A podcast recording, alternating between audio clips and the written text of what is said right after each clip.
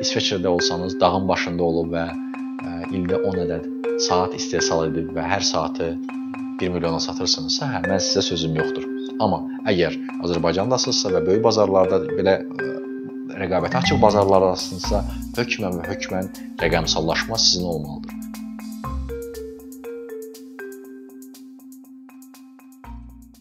Mən İmran Bağırov, Apollo layihəsinin rəhbəriyəm hal-hazırda. Apollo layihəsi nədir deyə məndən həmişə soruşurlar. Apollo layihəsi əslində bunun bir kod adıdır. Apollo bilirsiniz ki, 50 il öncə aya eniş edən bu missiyanın adı olub və biz Azərbaycanda böyük bir iş görməyə çalışırıq. Hansı ki, Azərbaycanda böyük texnologiya klasteri qurmağa çalışırıq, Caspian Tech Cluster və bunun kod adı hal-hazırda Apollodur və bu sahədə çalışmalar edirik. Özüm 13 e, ildən çoxdur telekom sahəsində, özəlliklə strategiya, biznes, innovasiyalar və proseslərin idarə olunması sahəsində çalışıram. Və əsas olaraq da qeyd etmək istəyirəm ki, biznesin proseslərinin idarə olunmasında e, Lean Six Sigma üzrə Master Black Belt, yəni usta qara kəmər e, dərəcəsinin sahibiyəm və bu sahələrdə treninqlər və tədrislər də verirəm. Bu gün mən istərdim ki, bir qədər rəqəmsal transformasiya, rəqəmsal yetkinlik haqqında danışmaq istəyirəm. Bu ingiliscəsi adı digital maturity və digital transformationdır. Bunu nəyə görə deyirəm? Çünki hələ də yeni teoremlər olduğuna görə, yeni sözlər olduğuna görə Azərbaycanca tərcüməsində ola bilsin ki, müxtəlif səslənmələr olsun. Amma bunun öndərliyini elədiyimizə görə bunu hökmən deməyimiz lazımdır. İngiliscəsində deməyimiz lazımdır çox bir hype sözə çevrilib, çox belə çox eşitdiyimiz sözə çevrilib. Rəqəmsal transformasiya, ah siz rəqəmsalsınızmı? Ah siz agile-sınızmı? Belə sözlər eşidirik. Və ya sizin rəqəmsal sahədəki təcrübəniz nədir? Mən ə, telekomda ə, 13 il çalışdığıma görə bu rəqəmsal transformasiyanın ən öndə gələn bir sahəsidir bura və biz orada daha çox bunu daha çox hiss elirdik, daha çox bunu tətbiq edirdik və o yüzdən fikirləşirəm ki, Azərbaycanda bu sahədə müəyyən qədər fikir sahibi ola biləcək insanlardan biriyəm və düşünürəm ki, bu sahədə bizim insanlarımıza, şirkətlərimizə məlumat paylaşa bilərəm. Nəyə görə rəqəmsallaşma önəmlidir? Ya baxa bilərik də, yəni əvvəl rəqəmsallaşma yox idi, amma nəyə görə biz məhz indi bundan danışırıq? Əlbəttə ki, rəqəmsallaşma deyəndə bizim kompüterlə olan təcrübəmizdən başlamaq lazımdır. İnsanlığın kompüterlə olan tanışlığından başlamaq, yəni Microsoftla belə desək, 1980-ci illərdən başlamış bir kompüter, şəxsi private kompüter təcrübəsi var. Amma bizim gündəmimizə cihazların girdiyi tarix nə zaman olub? Yəni bugünkü smartfonlardan biz danışırıq. 2007-ci ildə iPhone-un təqdimatı ilə gəlib.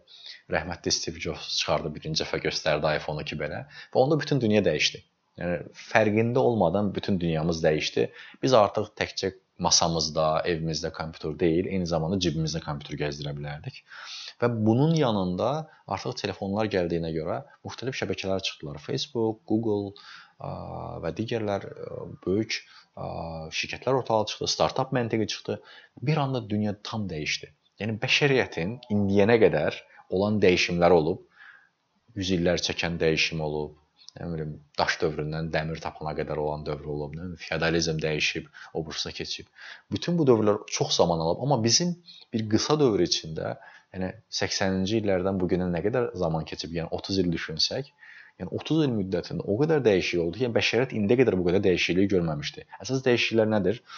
Bir anda biz ə, informasiyanı bir yastı bir mühitə gətirə bildik. Yəni ə, daha paylanmış bir mühitə gətirdik. Əvvəl necə idi? Adacıqlar var idi. Siz gedirdiniz ə, neçə nə qədər vaxt gedirdiniz ki, Londonda oxuyasınız. Çünki oradakı universitetin bir bilgisi vardı. Onu öyrənmək üçün hökmən ora getməli idiniz. Kitablar oxumaq üçün hökmən kitabxanaya getməli idiniz. Falan sahəni bilmək üçün hökmən falan yerə. Amma artıq bilgi monopoliyası dünyada yoxa çıxdı bir anda.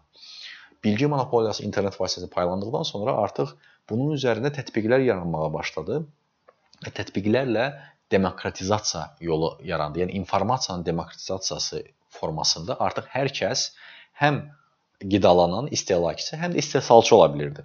Və bir anda hər kəs anladı ki, a, internet var və internetin əsasında biz təkcə oxumaq deyil, eyni zamanda pul da qazana bilərik. Müəyyən biznes tələb edə bilərik. Və bunun nəticəsində artıq bizim pulsuz deyə bildiyimiz Facebooklar gəldi ortalığa və bu Facebook bizim bu günə qədər biz baxırıq və o qədər böyük şirkətə çevrilib ki, artıq hər kəs həm diqqət önündədir və eyni zamanda da böyük pullar qazanır. Azərbaycanda bu rəqəmlər milyonları keçir. Hal-hazırda Azərbaycanda Facebooka xərclənən pulları desək, milyonlar milyon dollarları keçir. Və bunun səbəbi nədir? Çünki bunlar bir platformadırlar. Və biz bunlara baxanda qlobal üzərindən baxanda biz görürük ki, artıq dəyişim dövrü gəlib. Bu dəyişim bir tərəfini mən dedim, texnologiya dəyişdi. İkinci nə dəyişdi? İkinci bizim insanlar dəyişdi. Bu gün istehlakçı olan insanlar, hansı ki gənclərimiz 2000-ci il doğumludular, 90-cı il doğumludular. Onlar artıq ə, nativ texnoloji insanlardır. Onlar artıq doğulanda texnologiyaların ilk cücərtləri vardı. Onlar məktəbə gedəndə artıq mobil telefon nədir bilirdilər. Onlar artıq universitet bitirəndə smartfonları var idi. Ya da doğrusu universitetə gedəndə smartfonları var idi. Və onlar bizim bugünkü dünyamıza gəlib baxırlar sağa-sola, düşünürlər ki, "A, kağızda nəyə görə mən bir şey doldurmalıyam ki? Nəyə görə kağızda formalar doldurmalıyam ki? Bunu onlayn doldur və onlar tələb tələbat yaradırlar. Bu oldu ikinci tərəf. Yeni nəsil gəlir və yeni nəsil rəqəmsal nativ, digital nativ, yəni anadan gəlmə ə, rəqəmsaldırlar. Bunların tələbatlarına görə şirkətlər də bunu dəyişmə eləməlidir. Üçüncü tərəf nədir? Üçüncü tərəf rəqabətlilikdir. Yəni düşünün bir sahədəsiz, deyəlim ki, bank sahəsindəsiz və sizin rəqiblər artıq texnoloji həllər verirlər müştərilərlə. Artıq telefon üzərindən sifariş verə bilirsiniz, sıra onlayn sıra sıra götürə bilirsiniz və s. və siz məcburən bunları eləmək məcburiyyətində qalsınız. Ona görə bugünkü ə, danışmağımın əsas məqsədi odur ki, dostlar, ə, rəqəmsal transformasiya, rəqəmsal yetkinlik bu nədir? Bu bir hər şirkətin qarşıdan gələn dalğaya olan münasibətidir. Rəqəmsal dalğasına olan münasibətidir. Ya siz buna adaptasiya edəcəksiniz, ya da bu suda boğulub gedəcəksiniz. Bunun başqa variantı görünmür. Əlbəttə ki, siz deyə bilərsiniz ki, mən rəqəmsallaşmıram, mən butik olaraq qalıram. Bəli, belə seçiminiz var, amma ehtimallar çox-çox azdır ki, siz bu şəkildə ayaqda qala bilərsiniz. Məsəl üçün, İsveçrədə olsanız, dağın başında olub və ildə 10 ədəd saat istehsal edib və hər saatı 1 milyona satırsınızsa, hə, mən sizə sözüm yoxdur. Amma əgər Azərbaycandasınızsa və böyük bazarlarda belə rəqabətə açıq bazarlardasınızsa, hökmən və hökmən rəqəmsallaşma sizin olmalıdır. Dördüncü tərəf nədir? Rəqəmsallaşma sizin xərclərinizi aşağı salır. İnsana olan tələbatı aşağı salır. Bəzi insanlar deyə bilərlər ki, işsizliyi yaradır rəqəmsallaşma. Əslində qısa vadəli baxanda, kiçik spektrdə baxanda bəli, görünür ki, bəli işsizlik yaradır. Amma geniş spektrdə baxanda nədir? Həmin insanlar daha fərqli profillərə gəlib çıxır. Deyirəm ki, avtomobil icad olunanda hamı düşünürdü ki, bəs faytonçular nətər olacaq? Bunlar işsiz qalacaqlar. Hə, qısa müddətdə faytonçular işsiz qala bildilər, amma nəticədə nə oldu? Həmin faytonçular oldu avtomobil sürücülərinə çevrildilər. Yəni dəyişmədi. Demək ki, bizim insanlar da işçi işçi profili də artıq dəyişməyə uğrayır. Ona görə biz rəqəmsal transformasiya, rəqəmsal yetkinlik deyəndə bizim şirkətlərin texnologiya dəyişiminə olan münasibəti, adaptasiyasını nəzərdə tuturuq. Və bunun bir neçə e, aspektləri, bir neçə dərəcəsi var. Gəlin baxaq şirkətlərin rəqəmsal yetkinliyi, maturity neçə leveldə ola bilər. Birincisi, ən birinci level e, səviyyə e, şirkətlərin bunu görməsi, kimdəsə görməsi. "A, onlarda belə bir şey var. Gəlin biz də bunu bu, edək." Bunlar adavari müəyyən fəaliyyətlərində, bəzən təsadüfi, bəzən bilməyərəkdən, bəzən hardasa görüb kopyalama olan işlərdir. Hal-hazırda Azərbaycanda bir çox şirkətlərdə məhz bu durumdur. Məsələn, onların veb-saytları var. Gəlin biz də eləyək. Ha, veb-sayt düzəldildi. Ha, bir dənə application düzəldək. Application düzəldildi. Ha, sənədləri gəlin burdan eləyək. Ha, nə bilim, məktubları burdan yazaq, təzə bir proqram yazaq. Bunlar adalardır. Amma bunlar təsadüf. Bu birinci səviyyə ə, rəqəmsal yetkinlikdir. İkinci səviyyə nədir? Strateji səviyyəsində şirkət rəhbərliyi qərar verir ki, bəli, biz rəqəmsallaşmalıyıq. Rəqəmsallaşma strategiyasını belirləyir və onun elementlərini deyir. Deyir ki, müştərilər tərəfindən biz eləməliyik, fəaliyyətimizi rəqəmsallaşdırmalıyıq, vendorlarla, təchizatçılarla işlərimizi optimallaşdırmaq və s. və s. Bunlar edilir. Bu ikinci səviyyədir. Bu artıq planlı, strateji səviyyədir. Üçüncü səviyyəmiz var bizim burada, hansı ki, avtomatlaşdırılmış səviyyədir. Bu nə səviyyədir? Artıq bir-birinə uyğunlaşdırılmış bu fəaliyyətlər ki var, hansı ki strateji fəaliyyətləri, bunlar bir-birinə uyğunlaşdırılır. Məsəl üçün deyir ki, "A, demək ki, bax, müştərini biz qeydiyyata alırıqsa, eyni zamanda bunun üçün bir e-mail də açaq. Bu e-maildə sabahsı gün məktublarını göndərək. O məktubların içində də falan yerdən götürülmüş loqolar da qoyaq." Yəni bu bir inteqrə bir sistem olaraq ə, fəaliyyət gedir. Və dördüncü səviyyə olaraq biz bura baxsaq, bu sistemlər təkcə avtomat deyil, eyni zamanda süni intellektin tətbiqi ilə daha özünü özünü inkişaf elətdirə bilən, daha ağıllı bir sistemə çevrilir. Çünki ilk üç sistemdə həmişə insanın ə, oradakı iştirakı və itələməsi vacib bir şərt idi. Dördüncü etapda artıq sistemin özünün də bu mövzuda özü özünü yenilənməsi prosesi baş verir. Gəlin bəzi ə, nümunələr üzərindən gedək. Adətən şirkətlər ə, rəqəmsallaşma deyəndə last mile, yəni sonuncu mili, sonuncu kilometri, müştərinin sonuncu kilometri başlayırlar. Bu hansıdır? Kommunikasiya etabını. Müştərilərə necə çıxaq? İstənilən şirkət bu günləri Facebookda reklam verir verə bilir. Çünki ucuzdur. Sıfır büdcə ilə başlaya bilərsiniz. 10 dollar verib nə qədər reklam edə bilərsiniz və bu asandır. Ona görə bu gün bildiyimiz təşkilatların bir çoxu artıq bundan istifadə edir.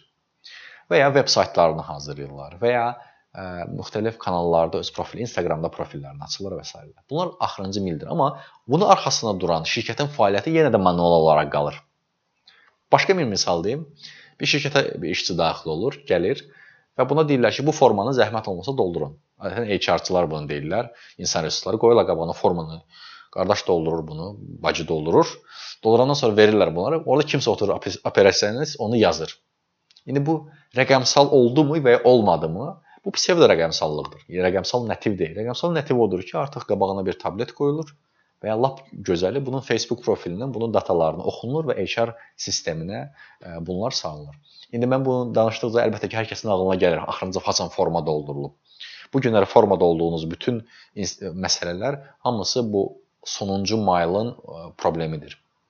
Məsəl üçün bizim bu günləri e, istifadə etdiyimiz applicationlarının bir çoxu kommunikasiya məqsədli applicationlar. Məsəl üçün yemək sifariş edirik. Bunun bir application, tətbiqi var telefonumuzda taksi sifarişi. Bunun bir tətbiqi var.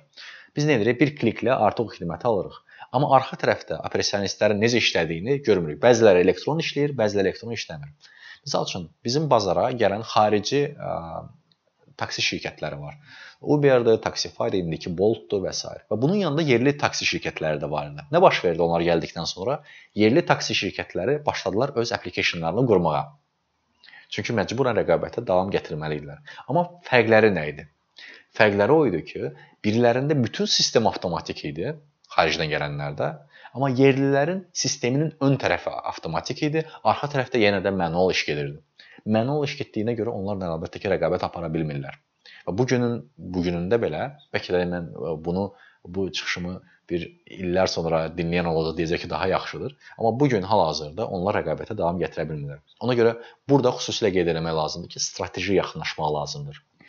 Rəqəmsallığa baxanda rəqəmsallaşmanın edilməsi bir neçə istiqamətdə, funksional bir neçə istiqamətdə həyata keçirə bilərsiniz. Bunlar hansı istiqamətlərdir? Birinci müştəri istiqamətində fəaliyyətlər. Bunu dedim, müştəriyə necə daha yaxşı edə bilərəm, daha yaxşı xidmət göstərə bilərəm. İkincisi strateji istiqamətdə ola bilər. Hansı ki, şirkət bəlirləyir ki, bizim strateji istiqamətimiz bu formadadır və biz istəyirik ki, buna uyğun texnoloji dəyişim prosesinin içində olaq. Yəni bu strateji e, hədəflərin əsasıdır. Üçüncü texnologiyadır. Hansı şirkət müəyyən yeni çıxan texnologiyaya investisiya qoyur, zamanını qoyur və deyir ki, mən bu texnologiyada irəli getmək istəyirəm.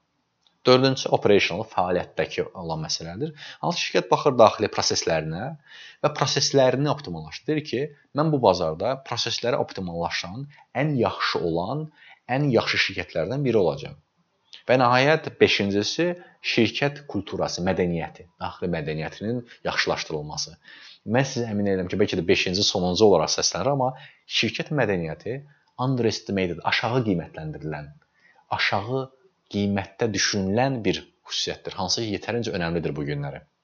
Və bir çox təşkilatlar xaricdə, Azərbaycanda hələ də şirkət mədəniyyəti üzərində qurulmuş texnoloji transformasiya o qədər də güclü deyil, amma bu başlayıb Bəzi şirkətlər öz əməkdaşlarına texnoloji texnologiya haqqında tədrislər verirlər, jurnalistlərə texnologiya haqqında tədrislər verir və insanların bu sahədə yetişkinliyini artırmağa çalışırlar. Və bu əlbəttə ki, e, çox önəmli e, xüsusiyyətlərdən biridir.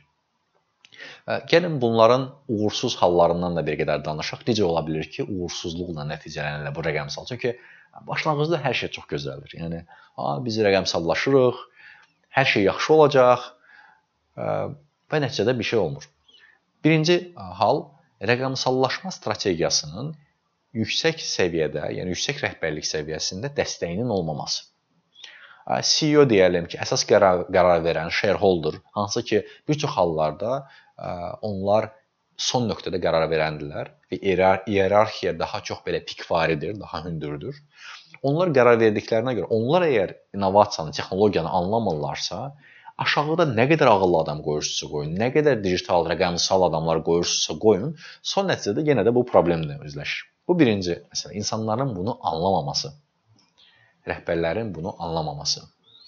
İkinci məsələ bu mövzuda məsul şəxslərin olmaması. Hansı ki, bəli, biz rəqəmsallaşmanı hər şöbəyə tapşırırlar ki, bəli, sən də rəqəmsallaşma, sən də rəqəmsallaşma, sən də rəqəmsal. Amma bu işləri orkestrate edəcək, yəni bu işləri idarə edəcək, dirijorluq edəcək rolun olmaması. Bəlkə də İnsanlar buna göz ardı edə bilirlər. Deyə bilirlər ki, əlavə bir işçini nəyə görə saxlayım və rəhbər maaşı verməliyəm və s. Amma əmin edirəm ki, sizi bu işlər ayrı-ayrı tərəflərdə olanda nə nəticə olur? Marketinq özünə görə bir sistem qurur orada. Satış bir sistem qurur, maliyyə bir sistem qurur. İşlər yaxşı gedir. O vaxta qədər ki, haçan ki, marketinq müdiri ilə satışın müdiri görüşürlər və deyirlər ki, o müştəridə falan rəqəm idi, o deyir ki, yox, məndə falan rəqəm görünür və onda əsl krizis başlayır şirkətdə. Çünki sanki hər şey var, adalar var, amma adaların arasında körpü qurula bilmir. Ona görə hökmən dəyişim prosesində bir liderlik, bir rəhbərliyin olması. Üçüncü məsələ texnologiya seçimi məsələsidir. Bəzən rəqəmsal transformasiyada çox fokuslanırlar texnologiyaya. Hansı texnologiyanı istifadə edirlər, bu sistemi, o sistemi. Sistem burada o qədər də önəmli deyil. Əsas önəmli olan sistemlə olan insanların irtibatıdır insanlar və sistemin qarşılıqlı çalışa bilməsidir. Bəzən sistemi problemi seçilir, bəzən isə insanlar onunla çalışa bilir. Mənim gördüyüm təcrübədə Azərbaycanda ən çox insanlar sistemlə işləyə bilmirlər. Günahlar onlar onlarda günah yoxdur. Məsələ odadır ki, onlar bunun üçün təhsil, tədris almayıblar və şirkətin rollarından biri də insanlarını bu sahədə öyrətməkdir. Yəni Steve Jobs'un məşhur bir sözü var. Deyir ki, mənə lazım olan, yeganə olan ağıllı adamları bir otağa toplaşmaqdır. Bir otağa topladıqdan sonra onsuz da onlar doğru qərarlar verəcəklər. Yəni yoxsa biz ağıllı adamları yığıb onlara nə edəcəyini dediyimiz halda artıq 2 dəfə uduzmuş oluruq. Ona görə bu məsələlərə baxanda bizim ə, müxtəlif aspektlərdən uğur hekayələri etmək imkanlarımız var. Ə, bunun yanında uğurlu hekayələrdən mən bir qədər də danışmaq istəyirəm. Ə, banklardan uğurlu tətbiqlər edənlər var. Artıq demək olar ki, bir çox bankların, yəni qabaqda gedən bankların hamısının tətbiqləri var. Bunların funksionallıqlarının 80% demək olar ki, eynidir. Parkinq ödəyə bilirsiniz, kredit istəyə bilirsiniz, ödənişlər edə bilirsiniz, kartdan karta, kommunal ödənişlər və s. və s. Və bunlar artıq bir standarta çevrilib. Və bu prosesin arxasında, application arxasında olan fəaliyyətlər belə buna uyğunlaşdırılıb. Və bu artıq o deməkdir ki, biz bir klik basdıqda artıq arxada olan bir rutin proseslər ardıcıl olaraq gedir və bunlar həll, həll olunur. Amma bunun yanında da önəmli xüsusiyyətlərdən biri nədir? Information security, informasiya təhlükəsizliyidir. Avropada GDPR var, Global Data Privacy məsələsi, privacy regulation daha doğrusu və bu regulation insanların datasının idarə olunması, onların riskləri və s. qiymətləndirir. Bu mövzuda mən düşünürəm ki, Azərbaycanda da şirkətlər daha hissiyatlı, daha diqqətli olmaları lazımdır. Hələlik Azərbaycanda tətbiq olunmur, müəyyən qanunvericiliklə tənzimlənir, amma GDPR səviyyəsində tənzimlənmir. Yəni bu mövzuda düşünürük ki, dəyişikliklər olmalıdır. Ümumiyyətlə şirkətlərə e, bir ümumiləşdirmə aparsaq, şirkətlərə nə lazımdır? Birincisi awareness, məlumatlı olmaq. Oxusunlar, araşdırsınlar, nə baş verir dünyada, xəbərləri olsun bu industriyada onlara uyğun nə baş verir? Xarici şirkətlər nə edirlər? E, kopyalamaq ayıb deyil. Biz Avropa, Amerika bazarlarına baxıb bir çox şeyləri də kopyalamalıyıq. Doğrusu da budur. Yenidən velosiped icad etməyə gərək yoxdur. Biz onları öyrəndikdən sonra ikinci tətbiqata baxmalıyıq. Tətbiqatı necə eləməliyik və onları ardıcıl bir şəkildə eləməliyik. Üçüncüsü, bu belə bir şey yoxdur ki, hər şirkət üçün rəqəmsal transformasiya, rəqəmsal e, yetkinlik bir yol üzərində getsin. Xeyr, siz getdikcə hərəkət etdikcə özünüzə uyğun metodu seçməlisiniz. Yəni bir paltar geyinəcəksiniz, bu olmadı, o birisini alacaqsınız. Bu biraz oldu, burasını düzəlt, burasını düzəlt, burasını düzəlt. Bu formada özünüzü uyğunlaşdıracaqsınız. Və nəhayət siz bu rəqəmsal transformasiyanın sonunu görmək istəyirsinizsə, bunun sonu yoxdur. siz davamlı olaraq, iterativ olaraq bu prosesin içində olmalısınız. Və burada əgər şirkət mədəniyyəti sizə icazə vermirsə, çünki ilk dəfədən uğurlu olacaqsınız deyə bir qayda yoxdur. İcazə vermirsə, onda sizin bir qədər probleminiz var. Ona görə birinci rəhbərinizlə danışın. O onlarla belə qəşəng münasibətlərinizi qurun. Rəhbərlik bunu bu mövzuda bəli biz bunu istəyirik, həqiqətən istəyirik sözünü desin və ondan sonra siz proseslərə başlaya bilərsiniz. Hər kəsə uğurlar arzu edirəm. Yaxşı olmalıdır.